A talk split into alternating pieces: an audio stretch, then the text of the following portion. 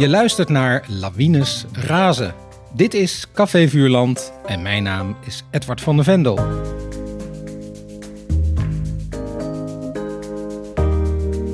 In deze podcast herlees ik klassieke kinderboeken met auteurs van nu. Hoe vers voelen de boeken nog? Wat voor auteur was er aan het werk? Dat en meer bespreek ik vandaag met schrijvers Manon Sikkel en Reza Kartosen-Wong.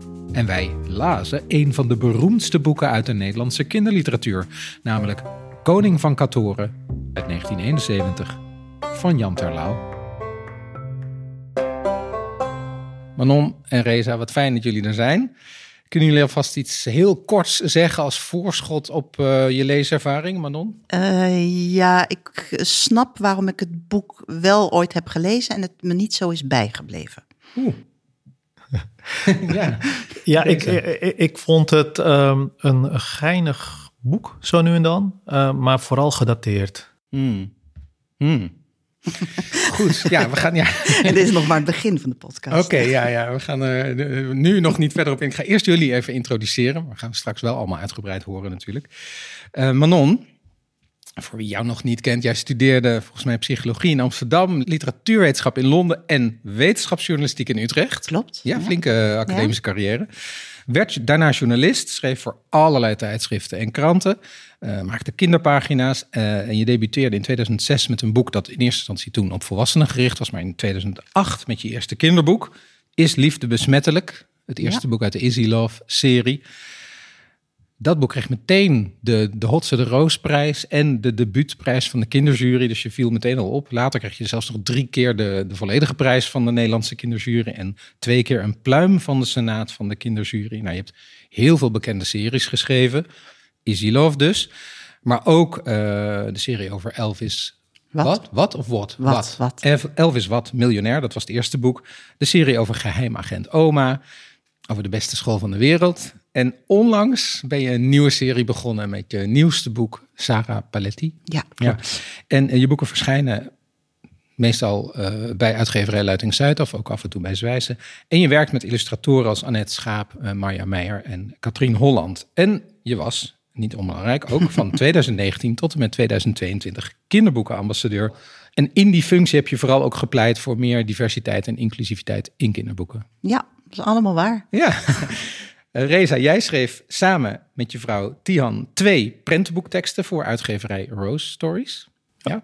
Uh, de eerste was Waar is mijn noedelsoep? En daar moet dan een vraagteken, uitroepteken, een vraagteken achter. Ja, heel belangrijk. In 2019. En in 2021 uh, bakkenrijst met van alles en nog wat. Met drie uitroeptekens. Ja. ja.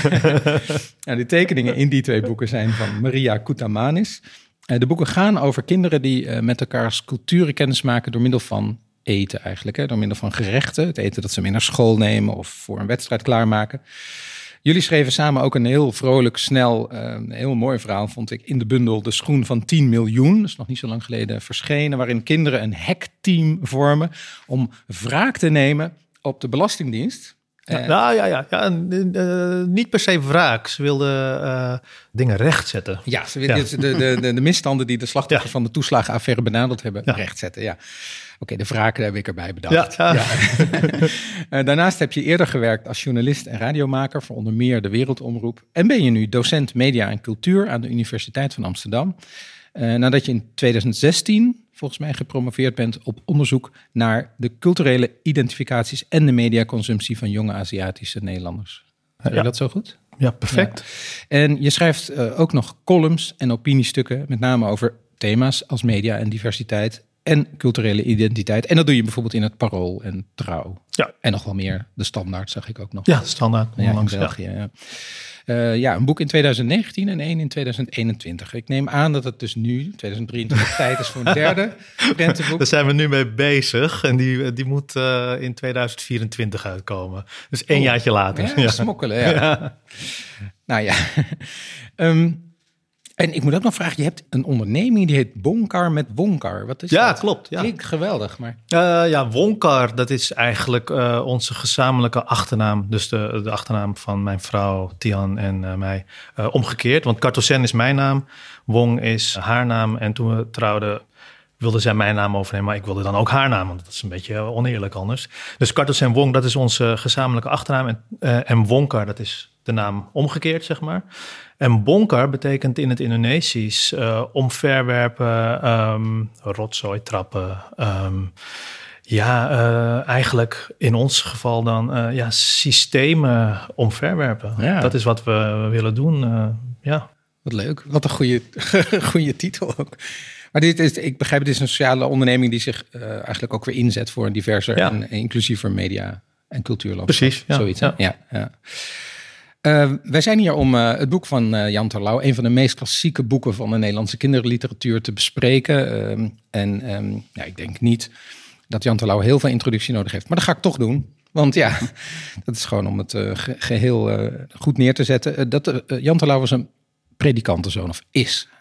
want hij leeft nog steeds. Hij werd in 1931 geboren en hij groeide op op de Veluwe maakte dus de Tweede Wereldoorlog bewust mee. Die veranderde zijn leven. Hij maakte van dichtbij inkwartiering mee, bombardementen, deportaties van klasgenoten. Na de oorlog studeerde hij wis- en natuurkunde en werd 13 jaar wetenschappelijk onderzoeker op het gebied van kernfusie. In die tijd kreeg hij kinderen en bij het naar bed gaan vertelde hij zijn kinderen verhalen, wat hij later echt beschouwt als een training voor zijn boeken. Zijn vrouw stimuleerde hem om de verhalen die hij schreef over oom Willy Broert dat was zijn uh, personage, op te sturen. Die kwamen bij Van Holkema en Warendorf terecht. Uh, en daar was Paul Biegel adviseur. En die las die verhalen en die vond ze goed. Maar die zei wel, ja, debuteren met verhalen, dat is niet handig. Maak er een boek van en schrijf nog een ander boek. En dat werd Piotr. En dat werd het officiële debuut. Piotr en Oom Willibrord werden dus zijn eerste twee boeken. Maar zijn derde manuscript, dat was Koning van Katoren. Dat werd door Biegel te politiek geacht. We gaan het straks over de politieke kant daarvan hebben natuurlijk. En dus stapte Terlouw daarom over naar Lemniskaat. En dat is zijn uitgever tot op vandaag. Het verscheen in 1971 en hij kreeg er de Gouden Griffel 1972 voor. Voor zijn boek erna, Oorlogswinter, kreeg hij meteen weer de Gouden Griffel. Hij is de enige auteur die ooit twee keer achter elkaar goud heeft gewonnen. Daarna volgden nog andere klassiek geworden titels als Oosterschelde, Windkracht 10, Gevangenis met open deur en eh, De Kloof bijvoorbeeld. Maar goed, we hebben het nu over hem als schrijver. Heel veel mensen kennen hem niet als schrijver, of ook als schrijver, maar vooral ook als politicus. In zijn eerste tijd als kinderboekschrijver was hij namelijk Tweede Kamerlid voor D66. Later werd hij fractievoorzitter. En in het kabinet van 8-2 werd hij vicepremier en minister van Economische Zaken. En daarna, nog na zijn Haagse periode, werd hij commissaris van de koningin in de provincie Gelderland. En misschien weten veel mensen nog dat hij ter gelegenheid van zijn 85ste verjaardag in 2016 een toespraak tot het volk mocht houden in De Wereld Draait Door. En toen sprak hij over het gebrek aan sociaal vertrouwen. En hij gebruikte bijvoorbeeld het beeld van dat we vroeger een touwtje uit de brievenbus hingen. En dat dat aangaf van je mag hier binnenkomen. En dat dan vertrouwen was dat dat niet mis zou gaan. En uh, nou hoe we dat nu eigenlijk niet meer zo voelen. Dus wie Terlouw zegt, zegt dus politiek en schrijven. En die twee komen samen in Koning van Katoren. Het boek is een parabel, een soort uitgebreid sprookje over het land Katoren. Waar de oude geliefde koning gestorven is en de macht aan zes treuzelende, alles uitstellende en op hun eigen gelijk gerichte ministers is. Maar in de nacht waarin de oude koning stierf, werd de jonge Stag geboren. Nou, die verliest zijn ouders snel, uh, wordt opgevoed door zijn oom. Die oom is bediende in het paleis waar die ministers vergaderen. Op een dag krijgt die, die, die oom een droom en daar ziet hij in die droom de 17-jarige Stag op de troon zitten. Hij dwingt dus af dat Stag uh, ja, een soort audiëntie, gesprek mag komen bij de ministers. Die hebben helemaal geen zin in die jongen en vooral niet in hoe brutaal die is. En die denken, nou, laten we iets ingewikkelds doen. Die geven hem zeven heel erg moeilijke opdrachten, onmogelijke opdrachten. Dat zijn altijd opdrachten ergens anders in het Rijk. En ze denken, nou ja, dat gaat toch mis, dan zien we hem daarna niet meer. Uh, opdrachten zijn bijvoorbeeld de vogels van decibel. Dat zijn uh, vogels die een aandringend verschrikkelijk geluid veroorzaken. Maar Stag lost het op, eigenlijk door fris en helder nadenken. En daarna volgen nog zes opdrachten. En ja, hij lost ze allemaal op. En ja, hij wordt aan het eind van het boek koning. En ja, hij heeft ook een vriendin opgedaan, Kim. En uh, dat wordt zijn, zijn vrouw. En het einde is letterlijk de laatste zin een sprookjeseinde. Want de laatste zin eindigt inderdaad met en ze leefde nog lang en gelukkig. En die zeven opdrachten spiegelen problemen waar de politiek in de jaren zeventig mee worstelde. Dus luchtvervuiling in de draak van smoke. Uh, eindeloze kerksplitsingen in de schuifelende kerken van Uicumene. of de kloof tussen arm en rijk in het stadje afzetten rijden, et cetera. Als we gaan kijken naar, eerst maar eens naar die opdrachten die daarin staan en het politieke daarin. Eerst even de namen. Ecumene, nou dat, dat weten we ongeveer wat dat betekent. Afzetten, rijden ook nog wel. En de draak van smoke is ook niet zo moeilijk te bedenken. Maar katoren, ik zat echt te denken, waarom is dat? Hebben jullie een idee? Nee, eigenlijk. Eh, nou ja, ik hoorde Terlouw zelf een keer zeggen dat hij gewoon s ochtends wakker werd en opeens dacht, ah, katoren, dat is een leuk woord. Dus misschien is katoren wel ehm, toevallig Ja. geworden. Ja, klopt. Hij eh, heeft inderdaad gezegd in 1972 ook al in een interview. Veel mensen denken dat het voor kantoren staat, maar dat is niet zo. Ah. Het is zomaar een naam. En dan zegt hij, ik wil geen boek schrijven dat stijf staat van het opsommen van kwalen. Het moet een fijn verhaal blijven. Nou, dat is een goede eerste vraag. Ja, jullie hebben al een beetje iets gezegd, maar vonden jullie het, naast alle politieke kant, vonden jullie het ook een fijn verhaal? Mm, Nee. Nee. Nee, ja. Ehm, het voelt misschien een beetje als vloek in de kerk. Want ik heb altijd het idee dat sommige van die klassiekers, dat iedereen die fantastisch vindt. Dat je daar eigenlijk niks onaardigs meer over mag zeggen. Maar ik heb het boek zeker gelezen toen ik jong was. Want ik las namelijk alles van Lemneskaat. Eh, ik herinner me de kaft ook, maar ik herinner me, toen ik het nu herlas, herinnerde ik me eigenlijk niks meer van het verhaal. Maar ik snapte wel waarom ik het als kind geen leuk boek vond en nu nog steeds niet. Het is ja, een hero's journey in mannenland. Er komen alleen maar mannen in voor. De vrouwen willen alleen maar trouwen. Alle burgemeesters zijn mannen, alle ministers zijn mannen. De enige vrouwelijke burgemeester, daarover zegt de hoofdpersoon: Wat is zij een vrouw? Maar zij is burgemeester omdat haar man is overleden. En als eh, de- er een man langskomt, dan knijpt hij in de wang van de vrouw. En als Stag het land van Decibel verlaat, dan rennen alle meisjes achter hem aan. Die geven hem allemaal kusjes, want ze willen allemaal met hem trouwen. Nou, en ik, vond, ik, ja, ik ben opgegroeid in de jaren zeventig met hele progressieve ouders. Ik was me toen ook al heel erg bewust van dit soort rollenpatronen, omdat mijn ouders daar zo mee bezig waren. En nu ik het herlas, dacht ik, ja, het het is een prachtig verhaal, de basis, en het is goed geschreven. Het is een, een, een klassiek verhaal. Eh, de werken van Heracles en gewoon een, een, een verhaal zoals er al heel vaak een verhaal is geschreven. En hij kan het goed opschrijven. Maar ik vind het volledig gedateerd. En ik vond het eigenlijk al met terugwerkende kracht toen ook al gedateerd. Want in 1971 weet ik van mijn ouders dat er zeker in het Westen. eh, mijn ouders studeerden in Amsterdam in die tijd. En was enorm veel te doen over de rol van vrouwen. En die is bij hem niet helemaal tot hem doorgedrongen toen. Nu hopelijk wel. Ja. Nou, ja, ja, je knikt er Ja, nou, ja, ja. ja. ik sluit me volledig aan eh, bij eh, Manon. Ehm, alleen ehm, eh, heb, heb ik het vroeger wel anders beleefd, dat boek. Bij mij was dat het problematische aan rollenpatronen, was bij mij, ja, dat, dat, dat, dat was nog geen issue, zeg maar. Dus voor mij ja, waren mannen, helden en, vrouwen, die, eh, dat waren prinsessen en wilde koningin worden. Dat- zo, zo ben ik nog wel opgegroeid. Dus ik, eh, ik heb het boek vroeger gelezen. Ik kan me voorstellen dat ik dat toen een leuk boek vond. Ik kan me dat alleen maar niet meer herinneren, hoe leuk ik dat dan vond. Maar ja, ik kan me wel voorstellen dat ik, eh, dat, dat ik meeging in dat heldenverhaal. Een jongen die uit een arm gezin eigenlijk, een wees ook, die dan de hoogste positie eh, van een land eh, bereikt. Ja, dat, ik kan me voorstellen dat ik dat interessant vond toen. Nu eh, ben ik, helemaal, ik ben het helemaal eens met Manon. Het, het boek is gedateerd. Het gaat om een volstrekt patriarchale samenleving waarin vrouwen dienstbaar zijn aan de man. En inderdaad, de enige vrouwelijke, dat vond ik ook weer zo typisch, de enige vrouwelijke burgemeester is eigenlijk alleen maar burgemeester geworden omdat haar man overleed en hij was de burgemeester. Dat is de enige reden. En, en, en in dat deel van het verhaal wordt zo continu ehm, eh, beschreven als de vrouwelijke burgemeester. Dus ik, ja, en, Ook, het, en ook het feit dat ehm, eh, ehm, al, al in het begin eh, dat Katoren een koning moet krijgen. Ja, er was dus ook geen ruimte voor een vrouwelijke leider. Dus dat, ja, het is heel gedateerd. Ik, ik vond dat lastig om te lezen. Ja, Ja. ja. ja. er is werkelijk geen enkele vraag. Hè? Er staat nergens Nee. een koning of een koningin. Nee, Nee, nee, nee. nergens. Of helemaal geen koning of koningin. Nee, dat, kan, dat, ja, dat zou nog mooier zijn. Ja, klopt, klopt. Ja. Ja. Als we, het gaan naar de, als we gaan naar de, de opdrachten, de zeven opdrachten.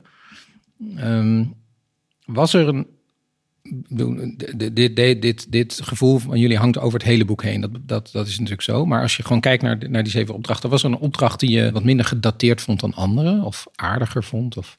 Mm, nou, die over uh, niet naar elkaar luisteren. Uh, ja, dat is eentje voor alle tijden. Dus die, die is niet gedateerd. Dat je mensen... de, over de kerken? Nee, nee, niet de kerken. De, um, uh, het, waar ze allemaal oortjes in hebben. En decibel. Oh, decibel. Ja. Ze luisteren niet naar elkaar, ze hebben allemaal oortjes in. En ja, ik zat vandaag in de trein en iedereen om me heen heeft oortjes in. en ik keek naar buiten zonder oortjes en ik zag dat het heel mooi was buiten. En ik had echt zin om de vrouw naast me aan te tikken en te zeggen: Kijk nou even, moet je zien hoe mooi het buiten is. Maar niemand kijkt, omdat je heel moeilijk kan kijken terwijl je aan het luisteren bent. En dat gaat natuurlijk ook over politiek. Je moet naar elkaar blijven luisteren om dingen anders te kunnen zien. Dus dat is van alle tijden. Uh, die schuifelende kerken, dat is in de verfilming van het boek, hebben ze daar gelukkig nog een moskee bij gestopt. Maar die bestaat niet in, in, het boek, in de hmm. boekversie. Nee, dus de schuifelende kerken van Ecumene. Het probleem is daar dat er allerlei eh, kerksplitsingen zijn. Uh, En al die kerken die verplaatsen zich letterlijk. Dus die gaan inderdaad uh, schuiven een metertje of meer metertjes op en, en pletten daardoor ook wel eens huisjes en mensen. Ja, dat is, en hij weet dat voor elkaar te krijgen door ze tegen elkaar te laten schuifelen. Ja. ja. Maar uh, dat vind ik voor kinderen nu gedateerd. Ik vind het voor volwassenen niet gedateerd, maar als je kinderen dit boek laat lezen, al die verschillende kerken, zonder uh, moskeeën erin te noemen, zonder überhaupt het als probleem te zien waar die kerken invloed hebben op het dagelijks leven van mensen, denk ik dat dat voor kinderen nu echt heel gedateerd is. Hmm. Ja, ik moet wel zeggen dat ik. Uh, ja, ik ben het ook met je eens, Manon. Het is voor, de kinderen van nu, ja, die, die hebben daar niks mee. Je had toen ook echt de verzuiling, was een groot ding. Je keek naar de KRO of naar de Tros. En die verzuiling is gelukkig heel erg verdwenen uit het dagelijks leven in Nederland. Ja, ik denk dat Tros er nog niet was in 1971. Die is volgens mij net iets later. Maar je, je keek naar de VARA? Of nou ja, de VARA. Ja, ja, ja. je om, de, de programma's waar je naar keek op televisie... die bepaalden een beetje hoe je de wereld zag en of je daar naar keek. Ja, ik mocht niet naar de kinderprogramma's van de VARA kijken. Oh. Nee, de Stratenmaker op C-show moest... Ik uh, moest naar de, oh. naar de programma's van de kijken. Ja, serieus, echt waar. Je hebt de hele KRO en de NTV Helemaal gemist. gemist. We, hadden, we hadden niet eens tv, maar ik moest wel VPRO en VARA ja, kijken. De, de, mooie bijbelverhalen van woord voor woord. Nee, nee niks. Nee, allemaal maar voorbij gegaan. Niks, ja. Ja. ja. nee, die verzuiling, dat, uh, ja goed, daar ben ik ook in uh, opgegroeid. Ik, uh, mijn, mijn moeder is katholiek. Uh, maar haar vader, mijn opa, was moslim en mijn oma katholiek. En mijn vader is moslim. Dus ik ben, we zijn heel, wel heel gemengd opgegroeid. Deel, ja, we hadden heel veel feestdagen met heel veel eten. Dus dat was wel heel fijn, die, die mengeling. Maar als het ging om protestanten en katholieken, ja, mijn moeder was daar en, en, en, en mijn oma ook, ja, die waren daar wel heel strikt in. Ja, protestanten, eh, dat zijn geen katholieken. Dus ik had, ook, ik had protestantse vriendjes. Ja, daar, daar werd wel van gezegd van ja, die zijn wel anders dan wij. En, maar het, tegelijkertijd hadden we ook nog een moslimachtergrond. Maar, dat um, zag je helemaal nergens terug Nee, nee, nee. nee, nee, Maar, ik, maar dus dat verhaal over die schuifelende kerken... Ja, ik vond dat wel een geinig verhaal. Uh, omdat dat uh, mij ook wel weer terugbracht in die tijd van ja, die strikte scheiding die tussen katholieken en protestanten bijvoorbeeld werd uh, uh, ja, aangehouden. En ik vond ook wel dat hij in dat verhaal, wat ik, wat ik echt een geinige vondst vond, was de kerkbestuurders. Ja. Want dat ging, ja, uh, ja, dat ging dan in het verhaal letterlijk over mensen die de kerken moesten besturen. Ja, het gebouw, ja, het gebouw moesten besturen alsof het een soort auto's waren. Uh, maar het gaat natuurlijk over de, de echte uh, leiders van de kerken. En dat vond ik wel vond ik een geinige vondst. Maar ik bedoel, in letterlijke zin is het natuurlijk is dat zeker gedateerd. Door, onder andere doordat er geen moskee of wat dan ook in voorkwam. Maar het, het, het feit dat er leiders zijn die vinden dat de mensen onder hen moeten denken zoals zij. Ja. Dat zit toch een beetje in, in die parabel daar. Dat is toch wel van nu nog? Dat is zeker van nu, maar om het boek aan te halen, het feit dat ook in die kerken niet één vrouw voorkomt, hmm. ja. dat, dat wekt zoveel weerstand op bij mij dat ik er niet doorheen kan lezen. Ik vind het, en dat is, ja, ik weet niet of dat voor, voor iedereen zo is, maar ik ben echt van jongs af aan opgevoed met het idee dat vrouwen er net zoveel te doen als mannen. En dat lijkt voor mijn, voor mijn dochters lijkt dat nu normaal. Uh, maar in mijn tijd was dat niet normaal. En en dat zie ik nog steeds in dit boek. Dus ik voel een soort weerstand van verdorie, ik ben opgegroeid in een, in een wereld waarin alle hoofdpersonen van alle kinderboeken jongens zijn. En als ze meisjes zijn, dan, ja, dan hangen ze er een beetje bij en willen ze trouwen.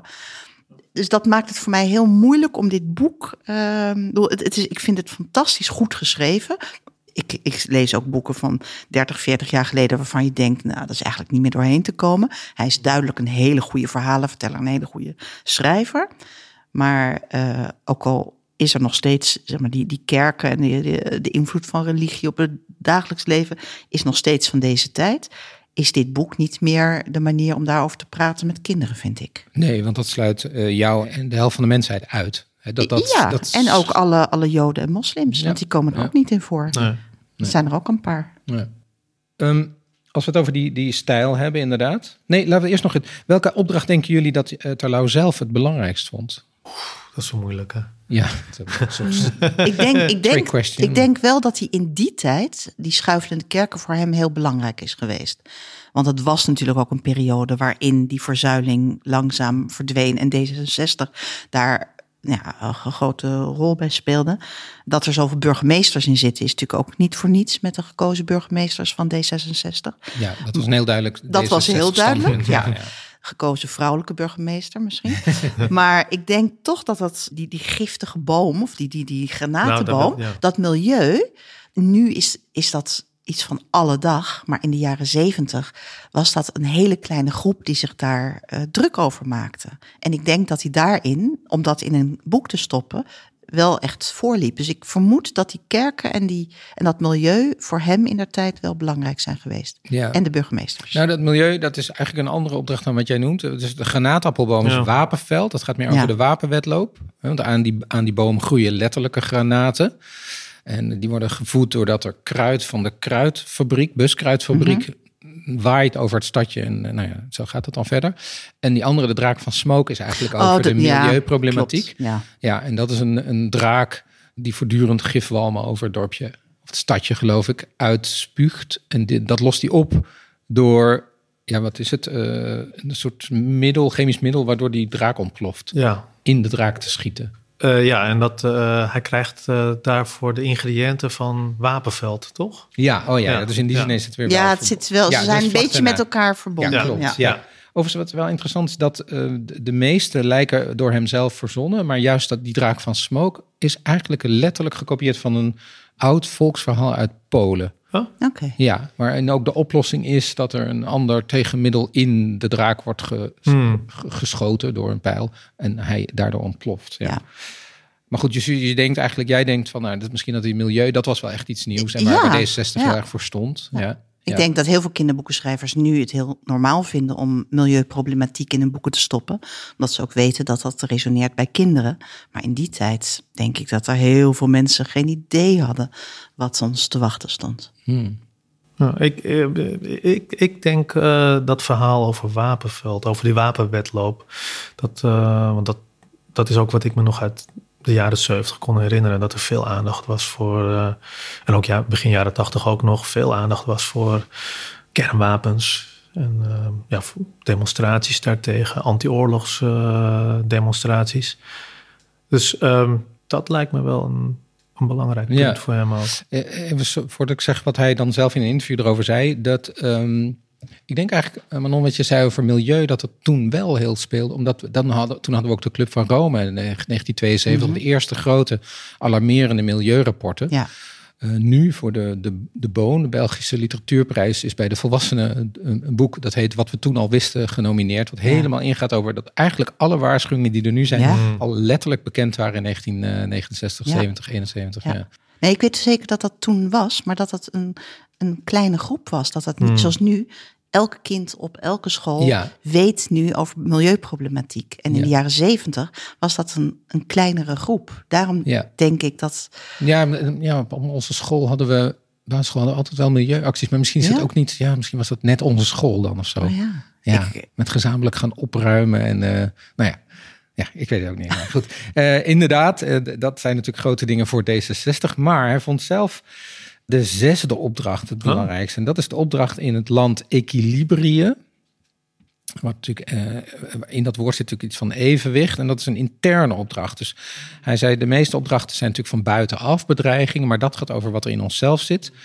En uh, ja, dat is het centrale verhaal, het meest filosofische verhaal. De vraag wordt eigenlijk daar gesteld: wie weet nu echt diep in het hart wat hij het meest lief heeft? Het gaat over een geheimzinnig mannetje die elke avond naar een huis in de stad Equilibrië komt en daar aan de mensen vraagt: ik wil hebben wat het, jou het meest lief is. En anders verander ik je in een staande klok. Ja, dat vond ik wel heel, heel leuk bedacht. ja. Maar dat is toch niet zo leuk voor de mensen die het overkomt. Dat gebeurt ook echt. Uh, en als ze iets geven wat lijkt heel veel voor ze te betekenen, maar het betekent niet zoveel, dan komt hij terug en dan pakt hij het zelf. En uh, daar gaat het dus echt over, ja, wat is nou van belang? En dat wordt op een hele bijzondere manier opgelost, doordat uiteindelijk Oh dat, dat mannetje blijkt dan dat allemaal die, die, die grote giften, die dingen die dan veel voor mensen betekenen, te moeten gooien in een vuur. In een vuur wordt alles verteerd. En daardoor uh, stort die wereld of die berg of die plek niet in. Uh, maar dat kan opgelost worden door dat iemand er zelfstandig, uh, zelf met eigen wil inspringt. En dat wil Stag gaan doen. Maar hoeft hij niet te doen, want dat mannetje springt erin. Ja, ja. Oké, dus het mannetje heet Pantaar. Ik dacht dat het misschien kwam van pantarij. Alles, ja. alles beweegt. Ja, ja. Is dat de zin daarna? Ja, niets blijft. Alles stroomt, niets blijft. Ah. Oh ja, die ken ik dan weer niet. Wat mooi, ja. Oké, okay, die... Um, ja, dat vond ik, wel, vond ik zelf wel een mooi, mooi, uh, mooi verhaal. Geeft wel een soort hart aan het boek eigenlijk. Ja. Um, Manon, jij had het al even over de stijl. Ik dacht, laat ik een heel klein stukje voorlezen, dat we een beetje de stijl weten. Dat is helemaal uit het begin, een heel klein stukje ook hoor uit uh, bladzijde 8 al. Om terug te komen op de oude koning, die had geen zoon en geen dochter. En daarmee was er het probleem van de opvolging. Hé, hey, we hebben wel een dochter hier. Oh. Toch één keer okay. een beetje ja. genoemd. Ja. ja. ja. Hmm. Oké. Okay. okay. we nemen alles terug. We gaan opnieuw beginnen. Om terug te komen op de oude koning, die had geen zoon en geen dochter. En daarmee was er het probleem van de opvolging. Er was, zoals gebruikelijk onder dergelijke omstandigheden, een boel geïntrigeer en geharrewar. En tenslotte grepen zes ministers naar de macht. Zij zeiden toe dat ze een manier zouden uitwerken waarop een nieuwe koning kon worden aangewezen. Katoren verdiende een goede koning de beste en dus moesten er garanties enzovoort enzovoort. Er kwam natuurlijk niets van terecht. De zes ministers zaten al spoedig zo vast aan hun zetels als een oor aan een hoofd en ze regeerden het land. En daardoor kwam het dat de Katorenen bleven treuren om hun dode koning. Vijftig jaar had hij het land geregeerd en hij was erg geliefd geweest een man zonder poespas. Een die niet geloofde in deftige toespraken en dikke documenten, maar die zich mengde onder het volk en grote vuurwerken liet afsteken. Daar was hij zo dol op dat hij in de wet had laten vastleggen dat het tenminste drie maal per jaar moest gebeuren. Op zijn verjaardag, op oudejaarsavond en zomaar is als hij daar zin in had. Dan werd er s'morgens door de radio meegedeeld dat die dag alternatieve Koningsdag was en dat iedereen vrij had. Het voordeel was dat op alternatieve Koningsdag altijd de zon scheen. En dat kun je van Hemelvaartsdag niet zeggen. ja, er zit wel humor in, toch? Ja, ja, zeker, zeker. Ja, ja.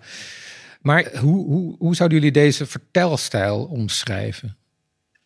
Nou, jouw boeken zijn absoluut niet zo geschreven, Manon. Nee, nee. Ja, ik, ik hou van heel veel grapjes in mijn boeken. Dus in elke zin probeer ik iets te stoppen. Dat of een woordgrapje is of verwijst naar iets. Of ik hou gewoon heel erg van humor in boeken. En dit is gewoon echt een heel fijn avonturenverhaal. Dat is echt een heel ander soort verhaal dan ik schrijf. Um, ik hou heel erg van deze stijl. Gewoon ja? zo'n ja, zo'n avonturenverhaal vind ik echt fantastisch. En de, alle andere boeken van Terlouw waren echt mijn lievelingsboeken. Dus het is echt deze die... Uh, ja, ja, we hebben gewoon helemaal de verkeerde keuze gemaakt. Nee, juist niet. Nee, want ik vind het namelijk echt, echt leuk. Waar ik als kinderboekambassadeur namelijk heel erg op heb ingezet... is dat uitgevers en auteurs en illustratoren anders gaan kijken naar boeken. Maar door dit boek bedenk ik opeens van je moet ook zorgen dat mensen die bibliotheekcollecties samenstellen en docenten niet het boek pakken dat ze zelf als kind zo leuk vonden, omdat die boeken gewoon vaak heel erg gedateerd zijn. Ja. Ook al zijn ze nog steeds goed te lezen, zoals dit boek, want het leest echt verder heel goed. Dit is ook het pleidooi van uh, Bibi Montak geweest, hè, die de Albert Verwij-lezing ja, zeker, ja, fantastisch. Hield en daarin uh, hetzelfde zei van kies nou eens niet voor die boeken die je als kind kende, maar kies wat er nu allemaal is. Ja, ja. Oh Want het, het gevaar loop je dat je boeken, zoals jij het in die, die tijd hebt beleefd, betekent niet dat kinderen het nu 30 jaar later op dezelfde manier beleven. Nee. Maar je moet zorgen voor dezelfde soort leeservaring. Dus kies een boek waarin je je als kind nu kunt herkennen. En niet eentje waarin jij je 30 jaar geleden herkende. toen de wereld er echt nog een beetje anders uitzag. Zeker, ja. Ja. 50 jaar geleden inmiddels. En inderdaad. 50 ja. jaar, ja, ik Ja. noem 30, Nee, maar ook. omdat veel, zeg maar, als jonge docenten, maar Oh ja, tuurlijk. Ja. eh, op mijn leeftijd zijn ze al bijna met pensioen, maar 50 jaar geleden. Onze leeftijd. Oh, onze leeftijd. ja. Ja, de race is super jong. Ja, we, we, lachen even, we lachen even naar de jonge Reza. Ja, die net, die net 50 is geworden. Ja. Ja. Met een verrassingsparty, surprise Ja, party. ja, ja. Ja. Ik, ben, ik, ik moet er nog van bekomen. Nou, je hebt je daar wel goed gedragen. Ik bedoel, we zagen wat foto's op Instagram, maar ik zou echt eh, nou, een hartverzakking krijgen of zo. Maar daar heb jij... eh, Ja, ik had, echt, ik had het echt niet van. Ja, mijn, mijn vrouw had een eh, surprise party voor mij georganiseerd afgelopen zaterdag. ja. Ja. Maar, maar we hadden het over het vertel, Ja, precies. de, de verteller en de manier van vertellen. Nou, ik vond het. eh, ik- vind stij- ik, ik vond het geinig. Eh, ik vind dat hij leuke grapjes, eh, leuke woordgrapjes er ook in. nou, zoals dat kerkbestuurders, daar kon ik echt wel om lachen. ja. In het stuk dat jij voorlas, daar zat ook humor in. Ik denk wel dat het inderdaad toch ook humor is waar de kinderen van nu niet zoveel mee hebben.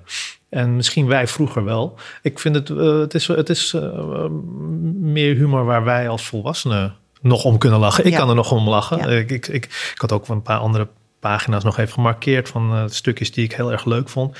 Ehm, het deed mij, eh, dus qua stijl deed het mij soms toch ook denken aan een van mijn eigen grote helden, eh Roald Dahl. Vooral als het gaat om de beschrijvingen van de slechterikken.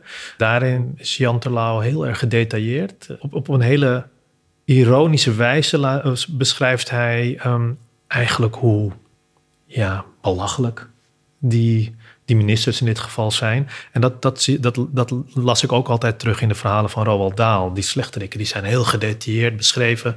En ook heel, wat is het, eh, hun eigenschappen zijn heel erg uitvergroot. En dat, dat, dat, dat lees je hier Ja. eh, duidelijk eh, terug bij die ministers. Hè, die, nou, de minister, wat is het, minister van zuiverheid of minister zuiver? Eh, ja, minister Zuijer, ja, meneer, die- eh, ja, minister ja. van Respect. en, ja, eh, precies. ja. En, en eh, ehm, ja, de, de een die, die, eh, die is helemaal geobsedeerd door properheid. En eh, dat wordt helemaal uitvergroot. Ja, ja, dat, dat vind ik leuk om te lezen, omdat het mij doet denken ook aan Roald Dahl. Ja, en, Maar die, ja. en die minister die niet kan liegen. Ja, precies. Ja, ja die kan ook echt niet liegen. leuk ja. Ja, die kan die gewoon echt niet. En dan, dan is hij uren bezig met eroverheen komen Ja. dat iemand iets zegt van eh, eh, hoe gaat het? Het, het gaat goed. En dat, ja, het ging eigenlijk niet goed. Ja. En dat kon hij dan niet. Ja. Ja. Ja, ja, dus dat vind ik heel goed geschreven. Maar nogmaals, ja, het is wel gedateerd. Ja. Ik denk inderdaad dat kinderen van nu hier niet zo om zullen lachen.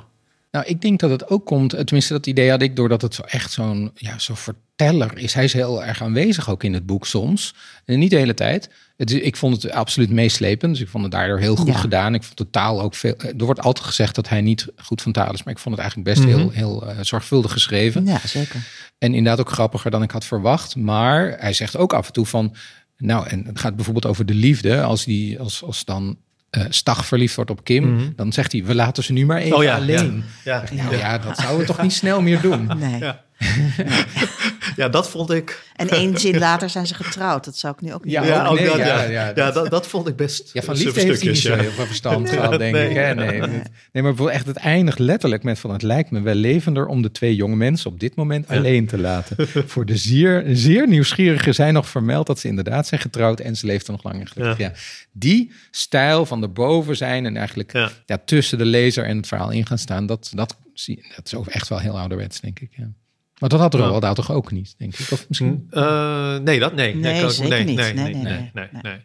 Nee, nee, het ging mij vooral om, eh, ja, als het gaat om die vergelijking met Roald ging het mij vooral om de manier waarop de, de slechterikken, zeg maar, eh, werden beschreven. En de, de manier waarop hun eigenschappen werden uitvergroot. En dat, dat, dat zag ik hier wel in terug. Ja, Ehm, maar niet het doorbreken van die vierde muur, zeg maar. nee. Dat zag ik hier niet in terug, nee.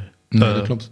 Ehm, in een interview met eh, Miep Diekman, eh, een grote schrijfster, overigens de schrijver die we in de volgende aflevering van de Ministraat gaan lezen. Maar zegt hij, de vraag was wat is de kern van het boek? En dan zegt hij, zegt Terlouw, Stag moet zeven opdrachten uitvoeren voor die koning wordt. Hij gaat naar de problemen toe, daar gaat het mij om. Hij kan ze oplossen doordat hij er niet aan vastgebakken zit. En hij zei ook, tijdens het schrijven bedenk ik ook wat ik zelf zou willen lezen. En ik vind het nu eenmaal vervelend als iemand bij de pakken neerzit. Ik weet wel dat dat maar de helft van het leven is. En gelukkig zijn er andere schrijvers die de mensen beschrijven die het niet redden. Maar dat is niet aan mij besteed. Nee, mooi, mooi gezegd. Ja, ja. nee, Ja. dat klopt. En, maar dat, dat vind ik ook mooi aan het boek.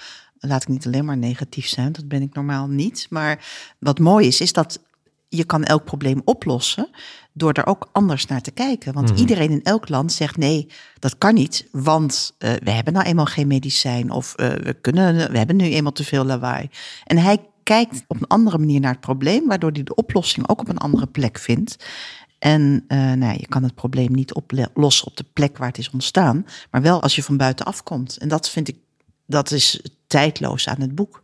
Maar dat is natuurlijk ook met eh Heracles en alle andere verhalen waarin de held zoveel opdrachten moet uitvoeren, Ja. die onmogelijk lijken.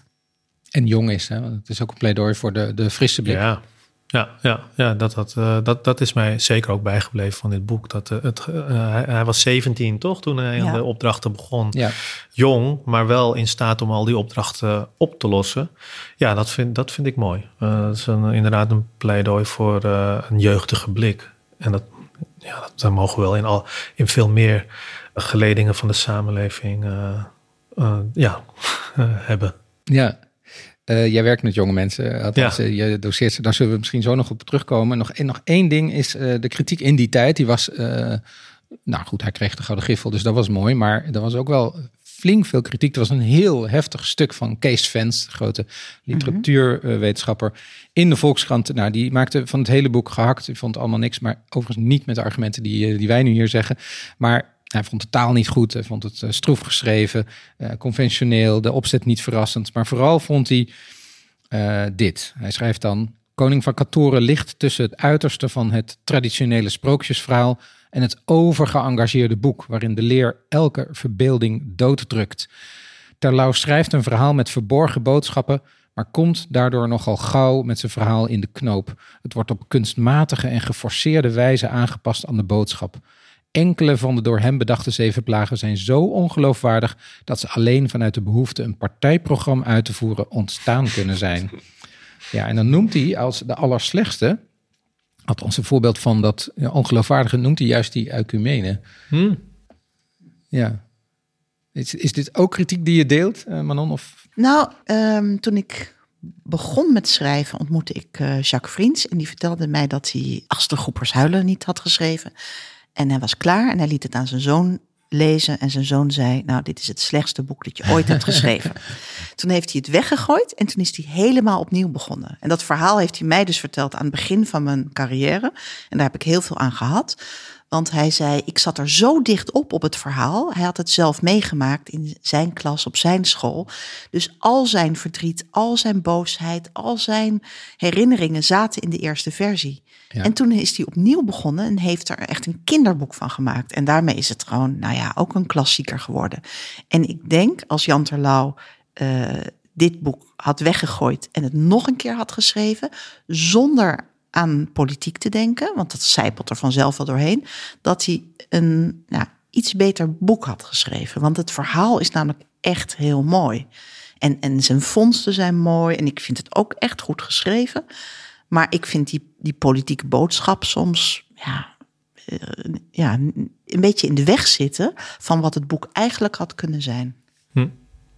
Ja, die politieke boodschap, zeker in het verhaal van die eh, schuifelende kerken, ligt er heel erg dik bovenop. Ik vond het zelf geen belemmering om dat stuk te lezen en ervan te genieten, zeg maar. Eh, ik vond dat wel een, een leuk verhaal, maar dat nogmaals, dat komt ook door hoe het geschreven is en door de, door de fond. Ja, dan kom ik weer terug op de kerkbestuurders. Ik vond het echt gewoon een geinig fonds. ja, ja, ja. En, eh, ehm, maar ik kan me wel wat voorstellen bij de kritiek van uh, de van. Ja, Sorry, wie Kees. Kees. Ja, Ja. daar kan ik me wel Ja. bij voorstellen. Ja. Maar als we nu kijken naar deze tijd, die vraagt ook om, eh, denk ik, om betrokkenheid, maatschappelijk betrokkenheid van auteurs. Hoe doen jullie dat in je boek? Hoe zorg je dat het, dat het erin zit, maar niet te politiek wordt? Of... Nou ja, vanaf het eerste boek dat ik schreef, zorg ik ervoor dat, eh, dat er in al mijn boeken kinderen van verschillende achtergronden zitten. En verschillende kleuren, uh, religies, identiteiten. Alleen heb ik dat de eerste jaren veel te subtiel gedaan. En pas toen ik kinderboekenambassadeur werd, dacht ik, ja, ik moet dat niet subtiel doen. Ik moet gewoon echt nog meer de barricades op om te zorgen dat de kinderen waar ik, die ik ontmoet op schoolbezoeken zich herkennen in de boeken. En een van de echt simpele dingen om te doen is nadenken over de namen die je in je boeken gebruikt. Hmm. En heel veel kinderboekenauteurs, als ik in een klas ben en ik verzin een verhaal met kinderen, dan zeg ik: Oké, we hebben een hoofdpersoon. Is het een uh, jongen of een meisje? Of nog iets anders, kan ook. En dan bedenken we de naam. En zelfs als ik op een school ben met alleen maar kinderen met niet uh, Hollandse namen, dan komen alle namen, ja, uh, Sanne, uh, Bram, Max, Tom. En zeg ik nee, een naam die je niet zo vaak in een kinderboek tegenkomt. En dat is een hele simpele truc. En in het boek De beste juf van de hele wereld heb ik iets van veertig namen uit een klas in het boek geschreven. En dat waren allemaal namen van een klas in Den Haag, in de Schilderswijk, waar ik toen schoolschrijver was een tijdje. En die kinderen waren super trots dat hun namen in het boek zaten. En er was geen één naam die typisch Hollands was. En toen stuurde ik het op naar de uitgeverij. En toen kreeg ik terug: zou het niet leuk zijn voor de diversiteit als er een vlinder tussen zou zitten? en ik was echt met stomheid geslagen. En dit was echt, weet je, een Poolse jongen die Christos heette, Nazina, Adam Channa. Echt, alle mogelijke namen uit alle delen van de wereld zaten in die klas. Daar zit geen vlinder tussen. En zelfs als er een vlinder verdwaald zou zijn, zou ze niet in mijn boek terecht moeten komen. Dus het feit dat ik me ervan bewust ben door te kijken naar de kinderen die ik in mijn klasse tegenkom. En ook te zien dat niet alle kinderen hetzelfde leven hebben. Dat je, in kinderboeken hebben kinderen altijd een eigen kamer. Nou, in heel veel scholen in Den Haag, waar ik voor de klas sta, delen kinderen hun kamer met broertjes mm. en zussen. Dat kom je nooit in een kinderboek tegen. En als je daarvan bewust bent, kun je in kinderboeken meer dingen stoppen. Of nou ja, we hadden net uh, over, over uh, rijst en noedels. Die komen bijna nooit in kinderboeken voor. Hm. Als er gegeten wordt, dan staan er opeens aardappels op tafel. Ja. Dus op al dat soort niveaus van wat kinderen in boeken eten, hoe ze heten, waar ze wonen, wie hun ouders zijn. Als er tegenwoordig zijn er veel meer schrijvers die dan een hoofdpersoon hebben waarvan uh, twee vaders of twee moeders zijn. En die heten dan altijd twee vaders of twee moeders. Terwijl als je twee vaders hebt, heten dat twee ouders. En twee moeders heten ook je ouders. Je, geen kind met twee moeders zegt, oh mijn moeders. Nee, die gaat gewoon naar mijn ouders. Zoals ik ook niet zeg, mijn vader en mijn moeder. Nee, dat zijn mijn ouders. En op al dat soort kleine dingen waarin kinderen denken, hé, hey, dat heb ik ook. Of oh, zo heet ik ook daar kan je als schrijver, nou ja, veel betekenen. Maar het is nog maar een begin. Ik doe heel erg mijn best, maar ik schiet enorm tekort, weet ik. Hmm. Reza, eh, ik denk dat jouw eh, schrijven, of jullie schrijven als kinderboekmakers, eh, mhm. van jou en je vrouw, geboren is onder andere vanuit jullie ideeën, ook vanuit jouw studie, vanuit je beroep. Ja. dus je zou kunnen zeggen dat is ook met een bedoeling begonnen. Ja, zeker. zeker. Nou, het is. Ehm, het idee voor de prentenboeken is eigenlijk uh, ontstaan omdat toen onze oudste Samming werd geboren, dat is, uh, die is nu acht, toen gingen we op zoek naar um, kinderboeken voor hem. Uh, onder andere de kinderboeken die wij zelf vroeger leuk vonden. De kinderboeken van Nijntje bijvoorbeeld. Rupsje Nood genoeg bijvoorbeeld ook. Maar we wilden ook heel specifiek kinderboeken hebben, prentenboeken hebben... waarin personages van Aziatische afkomst voorkwamen uh, op niet-stereotype wijze. En die konden we hier niet vinden. En toen dachten wij, ja, dan, dan doen we dat zelf.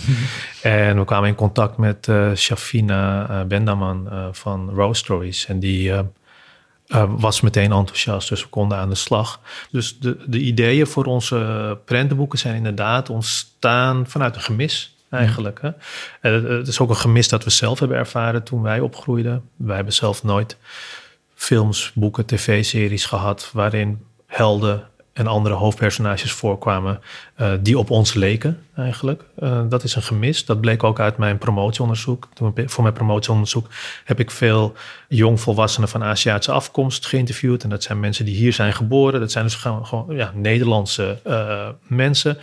Maar die gaven toch aan dat ze zich uh, toen ze jong waren, uh, buitengesloten voelden, omdat ze zich niet, uh, ze, ze, werden niet vertegenwoordigd in, in media en populaire cultuur. Dus ze, dus ze hadden het gevoel dat ze er niet bij hoorden en geen echte Nederlanders waren. Ja, dat heeft heel duidelijk te maken met een gebrek aan representatie. Dus vanuit, ook vanuit mijn wetenschappelijke achtergrond, zeg maar, zijn die verhalen geboren. Uh, en wij hebben dan voor gekozen voor eten. Nou ja, dat, dat wou ik daar wou ik naartoe. Maar dat, dat vind ik zo, zo mooi daaraan. Je kan natuurlijk dan ook een uh, prentenboek maken waarin staat...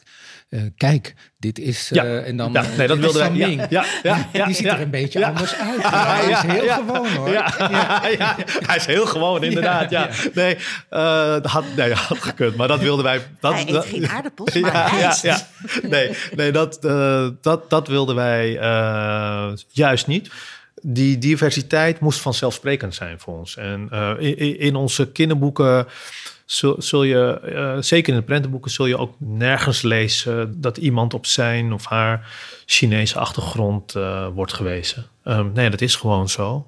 Je ziet het wel terug in het interieur bijvoorbeeld van een huis. In ons tweede boek Gebakken Reis met van alles en nog wat um, is Juna het hoofdpersonage. Juna heeft een moeder van Ghanese afkomst en een vader van Maleisische afkomst. Daar wordt verder niet over gesproken, maar je ziet het wel in het interieur. Want de fotolijstjes van de vakantiefoto's. Ja, je ziet een foto van Kuala Lumpur, de hoofdstad van Maleisië. En je ziet Accra, uh, hoofdstad van Ghana. Dat zie je daarin terug. Maar verder niet. Uh, dus het is, voor ons is het wel heel belangrijk dat het op een hele vanzelfsprekende wijze, zeg maar, divers is. En wat wij juist ook wilden benadrukken, zeker um, uh, in het eerste boek neemt Sam Ming noedels mee naar school en dat is zijn lievelingsgerecht. Maar aan het eind van het verhaal eet hij pannenkoeken, want zijn vriendinnetje Louise, en dat wordt zijn vriendinnetje dan, die heeft pannenkoeken mee. En uiteindelijk wisselen ze het eten om. Dus wat wij eigenlijk willen laten zien is, ja, iedereen kan van noedels en pannenkoeken houden.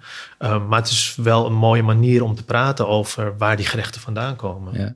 Ja, dat vind ik heel erg uh, mooi en, en, slim gedaan, omdat rondom eten, daar, daar, hangen over het algemeen iets minder waardeoordelen ja. aan. Eten is gewoon lekker of niet lekker ja. en dat ja. kan overal vandaan komen. Um, maar in het voorgesprek hadden we het er even over dat het, het eerste gerecht waar Sam Ming, de hoofdfiguur uit, uit het eerste boek, kennis mee maakt, is een Grieks gerecht. Ja. En je had oorspronkelijk een ander Grieks gerecht. Ja, klopt, klopt. Uh, Tian en ik dachten, uh, oké, uh, een van de vriendjes van Saming, dat is een jongetje van Griekse afkomst. Het jongetje heet Nikos. Wat is nou een Grieks gerecht? En toen dachten wij meteen aan moussaka. Maar de illustrator van, van onze boeken, Maria Koutamanis, zij is deels van Griekse afkomst. En zij zei toen, ja nee, dat moet je niet doen. Dat is wel heel erg voor de hand liggend. Ja. ja, dat is. Uh, nee, laten we er een andere gerecht van maken. En zij kwam met gemista. En dat is een Griekse salade.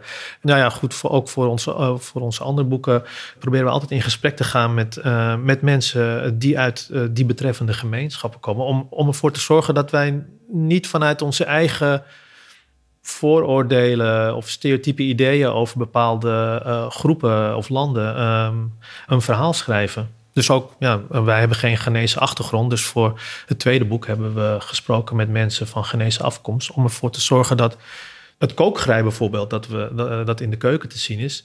Dat dat wel ook echt het kookgerei is dat ze nu nog gebruiken. Uh, dat we niet uh, ja, exotiserende of orientalistische ideeën uh, reproduceren. Ja. Dus een, een boek maken waarin je goede intenties hebt, brengt meteen de verplichting tot onderzoek met zich mee, eigenlijk. Vind ik eigenlijk wel, ja. ja, ja. Vind ik ook. Ik, ik heb bijvoorbeeld in, hier ligt op tafel ligt Sarah Paletti. En ik had vroeger een Marokkaanse oom. Tenminste, mijn, de broer van mijn vader had een man, die kwam uit Marokko, hij leeft niet meer. En hij kookt bij ons altijd couscous. Dus ik weet niet anders dan dat wij thuis een gedeukte couscouspan hadden... waarin hij altijd dat aan het maken was. Ik heb zelf een boek geschreven, een kookboek over couscous ooit. En als ik in het boek schrijf dat er ergens een couscouspan staat... ga ik er gelijk van uit dat de illustratrice weet hoe zoiets eruit ziet. Ik, ik ik denk er niet eens bij na dat je het niet zou weten. En als je kijkt, ik heb het niet tegen haar gezegd, want ze heeft het fantastisch werk gedaan. Maar het is gewoon een braadpan. Het is geen, daar staat dan bij couscouspan. En ik schaam me dan, want ik denk, als je, als je couscous eet, weet je dat dit geen couscouspan is. Want die moet stomen. Dat is een ja, grote pan ja, met nog een ja. zeef erbovenop. Heel vaak van juist heel dun materiaal. En een braadpan voor vlees is juist heel zwaar. Hmm. Dus je moet zeker onderzoek doen. En dat heb ik, ja, eh, bij- dat geldt ook voor de illustraties. Nou ja, natuurlijk bij prentenboeken is dat nog belangrijker. Maar mijn boeken hebben ook heel veel plaatjes. En soms moet ik de illustratoren er echt op wijzen van... hé, hey, dat klopt gewoon niet. Nee. Dit, Dus dat- gaat misschien veranderd worden in de tweede druk dan, denk ik. nee, ik ga haar, ik ga haar niet een Nee? couscouspan laten tekenen. Nee, nee. Oh ja, nou ja, waarom niet eigenlijk? Ja, ja. Overigens moet ik even zeggen dat ik eh, de tekeningen van Katrien Holland heel erg leuk vond in het boek. Echt, eh, Ja. In kleur, heel veel tekeningen. Elke spread heeft een aantal. Echt, Er zit heel veel humor in, in, juist ook in de tekeningen. Ja, ik heb, het grappige is, ik ben met eh, de beste school van de hele wereld en de beste juf en de beste meester van de hele wereld. dat moest een beetje een soort een, een boek worden met heel veel plaatjes. Graphic En- novel-achtig. Ja, graphic novel-achtig. En toen heb ik, als ik schrijf, heb ik natuurlijk een heel erg beeldvorm. Ik hou zelf heel erg van tekenen. Ik ben ontzettend beelddenker. Eh, en ik heb bij elke illustratie tussen haakjes gezet waar de illustratrice aan zou kunnen denken. En zij heeft gewoon alles getekend. Want Hmm. ik, dus ik heb alle tekeningen be- bedacht eigenlijk, bijna allemaal. En ik moet er heel erg om lachen, want ja, zij kan beter tekenen wat ik bedenk. En toen begon ik met Sarah Paletti. En toen was ik dat al gewend van de beste school. En dacht ik, nou, dat ga ik ook doen. Dus ik voor haar geef ik ook aanwijzingen. En ik denk altijd, ja, de illustrator heeft natuurlijk net zoveel fantasie als een schrijver. Maar dat hoeft natuurlijk helemaal niet zo te zijn. Een illustrator kan heel goed tekenen, maar die hoeft niet per se heel erg goed het beeld te kunnen bedenken.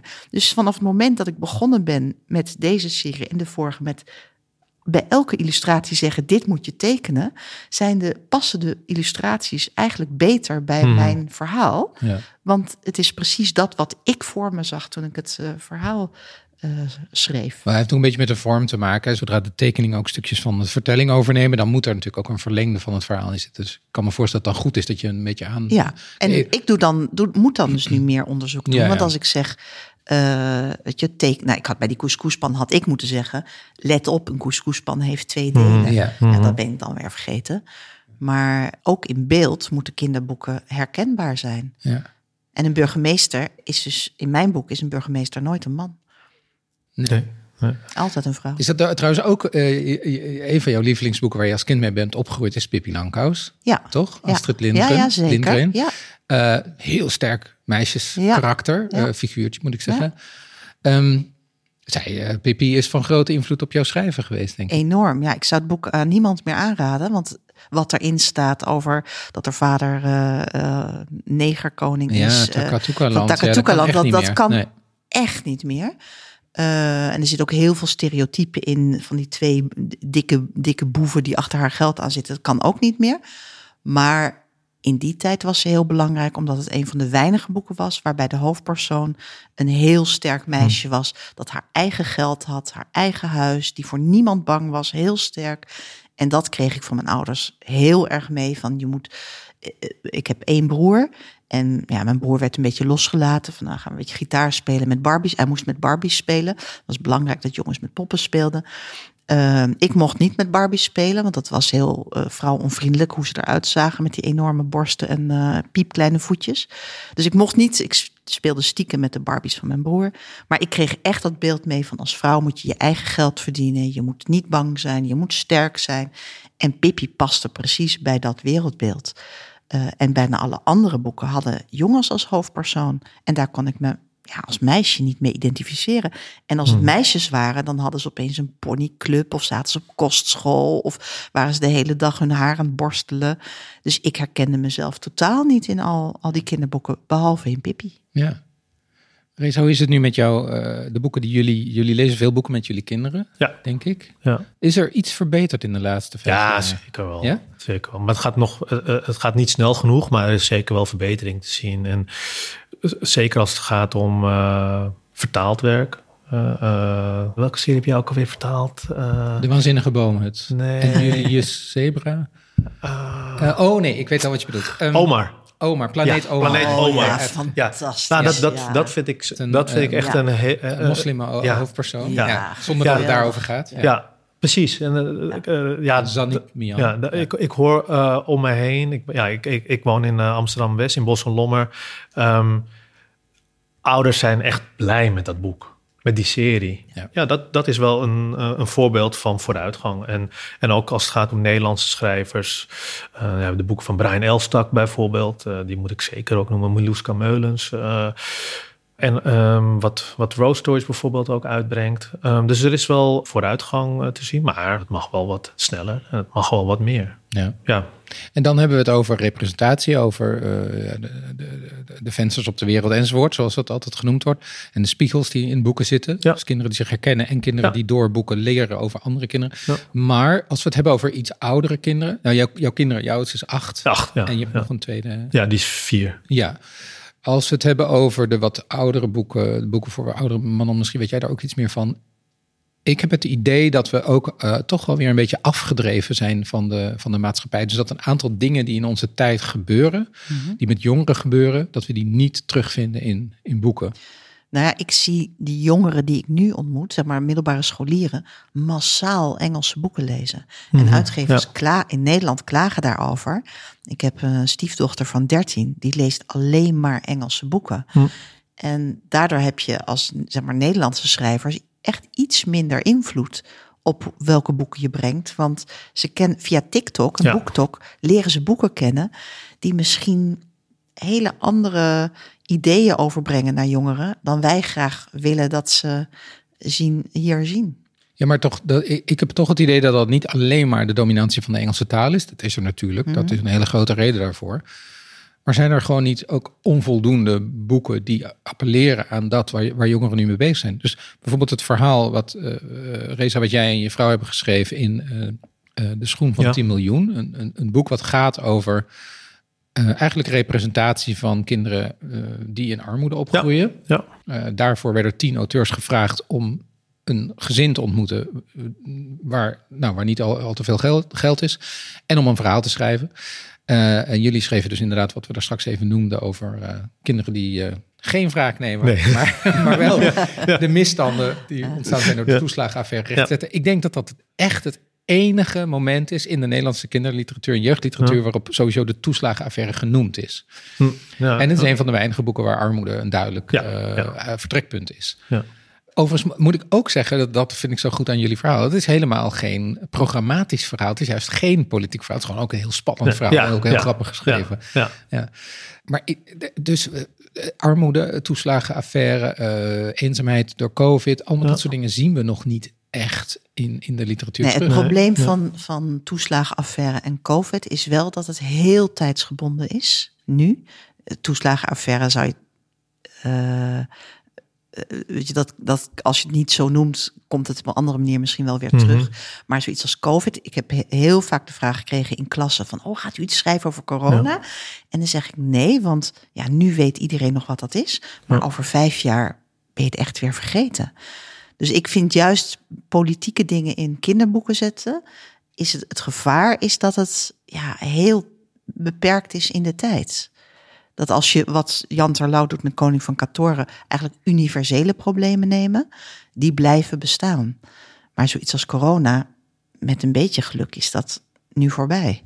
En Ja, maar, maar de eenzaamheid die ontstaan is. Dus eh, ik kreeg een, een mail van een, eh, een jongen eh, van een jaar of 17 die zei: Ik ben niet super populair op mijn school, maar ik heb het gered voor corona doordat ik bij een groepje aanhaakte. Hij zei: Wat gebeurt in coronatijd? Alleen de meest populaire gaan nog met elkaar zoomen en zoeken elkaar Mm, nog op. En alle mensen die baat hebben bij groepen die ontstaan zijn waar ze zich enigszins veilig in kunnen voelen, vallen daar buiten. Dus er is Ja. een enorme eenzaamheid ontstaan. ja, Eh, dan is COVID de aanleiding. Maar de eenzaamheid die Ja. is ontstaan, is natuurlijk een algemeen ja. thema. Nee, maar Ja. eenzaamheid is universeel. Ja. Alleen zodra je het over corona gaat hebben of COVID in een boek, dan wordt het opeens tijdsgebonden. Terwijl eenzaamheid van alle tijden is en populair zijn ook. Nee, dat, dat snap ik wel. Maar ik denk dan toch dat, dat kinderen, als een boek goed geschreven is en spannend geschreven is, heus wel door die, door die, die tijdelijke aanleiding heen kunnen kijken misschien. Maar ja, kijk, aan Ja. armoede, eh klassenverschil is toch ook iets van Ja, ja ik, ik denk dat de schoen van 10 miljoen, eh, het, het thema, eh, dat dat ja, helaas een universeel thema is dat voorlopig niet zal verdwijnen. Dus de, eh, dat het inderdaad ook goed is dat deze verhalen nu eindelijk zijn geschreven. Als het gaat, specifiek gaat over ons verhaal, ja, ons verhaal gaat over de toeslagenaffaire. Ik kan me voorstellen dat dat over een, een paar jaar, eh, dat, dat mensen dat al zijn vergeten, eh, de toeslagenaffaire zelf. Dus in die zin tijdsgebonden.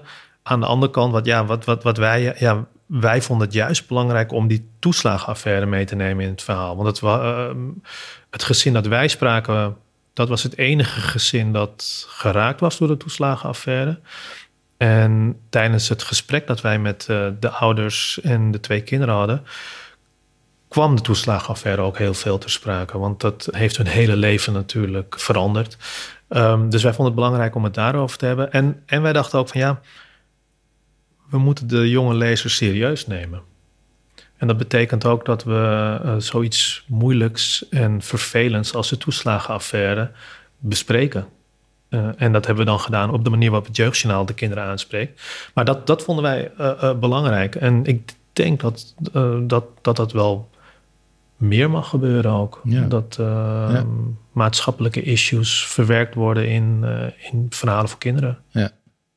ja, ik denk dan soms, we kunnen wel historische boeken aan, fantasyboeken aan, waarin we ook de hele, uh, het hele decor moeten leren kennen. Ja.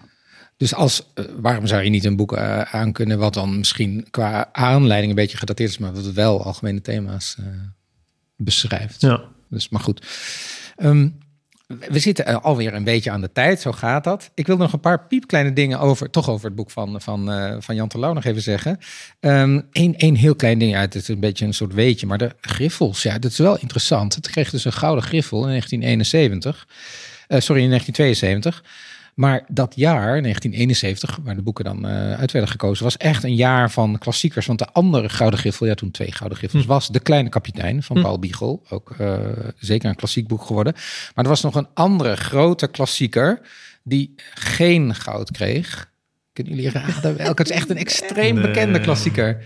Pluk van de Pet. Oh nee, nee. dat dus, is een van mijn favoriete boeken. Ja. Kreeg oh. dus maar zilver in dat jaar. Deze twee werden verkozen boven Pluk. Oh, maar dat vind ik wel erg. Oh, nee. Als je het nou over de tijd nee. hebt. Ja. Wow. Ja, Ongelooflijk, toch? Ja, die had moeten winnen. Absoluut. En het was verdorie het jaar daarvoor ook al gebeurd. Want toen was Minous, kreeg maar zilver. Oh. Nou ja. En kreeg Alet Schouten, een schrijfster die we helemaal vergeten zijn. Ja. En uh, het malle ding van Bobistiek van oh, Kooijker ja. kregen de twee gouden griffels. Die weet, die kan ik nog wel heel ja. dat boek. Ja. Maar nou ja, goed. Ik vond het toch wel, uh, ik dacht ongelooflijk. Ja. Um, ja. Wel fijn voor alle mensen die geen gouden griffel winnen. Dat ze weten dat ook uh, ja, Pluk dat je de niet tijden heeft gewonnen. kunt overleven. en, en ik heb net als Pluk heb ik ook geen gouden griffel. Ja, ik ook niet, Manon. Ja, wij alle drie niet. Nee. Maar wij kunnen de tijden nog overleven. overleven. Dat is fijn. Uh, wat interessant is dat er ook uh, in 2012 nog... Uh, Lemniskaat heeft allerlei Kamerleden gevraagd... om het boek Koning van Katoren nog eens te lezen... en hun reactie erop te geven.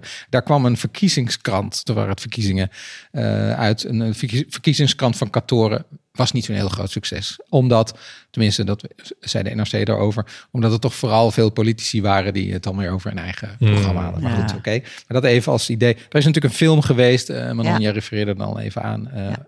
ook in uh, 2012. En er is een vervolg geschreven. Ja. Um, in uh, 2007 schreef Jan Terlouw Zoektocht naar Katoren, 36 jaar later. Ik heb net gelezen, ik vond het eigenlijk ook uh, of ook, ik vond het een interessant boek. Uh, iets, uh, zeker veel meer vrouwen. Veel meer.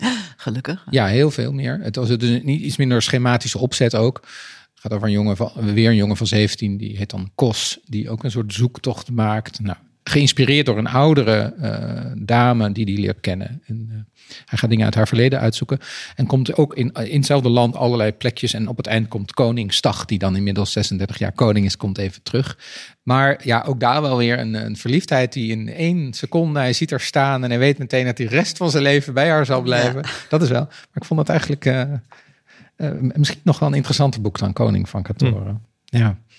Nou, laten we eindigen met, um, met jullie toekomstplannen als het over jullie boeken gaat. Uh, Manon, je bent net uh, aan een nieuwe serie begonnen. Dus Sarah Paletti, we hebben het al even genoemd. Ja. Dat wordt een serie, toch? Ja, dus ik ben nu bezig met deel 2 te schrijven. Ik ben, ben opgegroeid in een hele arme wijk van Hilversum. Dat mijn ouders allebei studeerden in Amsterdam. En we woonden gewoon naast het station, zodat mijn ouders elke dag naar de universiteit konden met de trein. En mijn broertje en ik in een beetje gekke buurt over het spoor woonden. Waar iedereen heel erg arm was. Uh, en wij ook, want we leefden van een studiebeurs. Behalve dat wij cultureel niet helemaal, wij gingen daar weer weg. Dus ik zag die armoede niet, maar ik maakte het wel mee bij iedereen thuis. En ik vond dat echt heel erg normaal. Ik vond het zelf normaal dat als er een feestje was, mijn moeder het gordijn uit de badkamer pakte, de naaimachine pakte en dan een jurk van mij, voor mij maakte van het badkamergordijn. En dat mijn vriendinnen dat ook heel normaal vonden. Want we hadden allemaal jurken gemaakt van badkamergordijnen, bij wijze van spreken. en die armoede, die was zo deel van ons leven en niet erg. En dat, ja, omdat ik nu schrijver ben en daaraan terugdenk, dat ik denk, heel veel stereotypen zijn ook, als je arm bent, ben je zielig. Ja. Ja. En als je dik bent, ben je lelijk. En als je oud bent, hoor je er niet meer bij. Maar mijn jeugd in een arme wijk met heel weinig geld thuis toen. Ik bedoel, ook al wisten mijn ouders dat ze op een gegeven moment daar weer weggingen en goede banen zouden hebben. Ik was gewoon zes, zeven jaar lang groeide ik op in een gezin waar we zaten te wachten tot de studiebeurs er binnenkwam.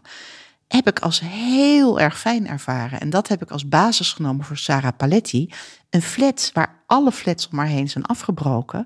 De lift doet het niet. Er wonen allemaal mensen uit ja, eh, geen volledige gezinnen. En zij is echt een verwaarloosd meisje.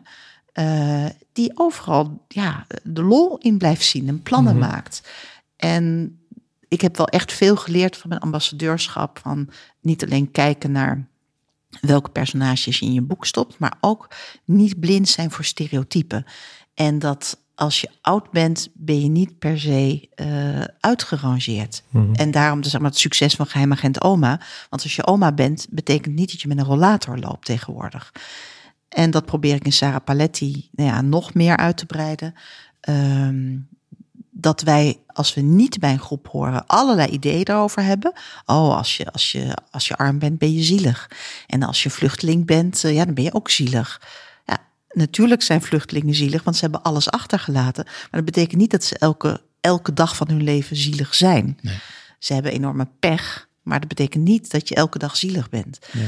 Ehm, Nou, en wat en ik, ook zo leuk vond, is dat daar zit dus een vrouwelijke burgemeester in. En dat is gewoon een vervelend iemand. Ja, nou ja. Dus A, laten zien, vrouwen zijn burgemeester. Maar B, ze kunnen ook heel vervelend hoeven zijn. niet altijd Ja. leuk te zijn. Nee. En die stereotypen, dat is echt voor mij een leerproces. Ik moet steeds harder nadenken.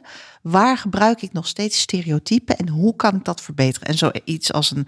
Ik heb altijd vrouwelijke burgemeesters in mijn boeken als er een burgemeester is. Maar dit is voor het eerst dat het gewoon echt een vervelende vrouw is. Ja, En, ehm, en, ze is, en ze is ook knap, want eh, vrouwelijke burgemeesters zijn heel vaak knap en blond of wit. En zij is zwart en knap en vervelend. ja.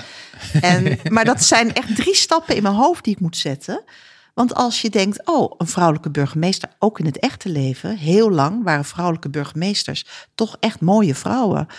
En je kan ook best een lelijke, dikke, oude vrouw zijn als burgemeester. En dat zegt niks over of je een goede burgemeester bent of niet. Dat is alleen maar hoe je eruit ziet. ja, ja. En dat, nou ja, daar, daar geniet ik zelf heel erg van om in mijn boeken de hele tijd mezelf steeds weer eh, ja, iets verder te duwen van waar, houden, waar gaan stereotypen verder waar je het zelf eigenlijk niet door hebt. Nee.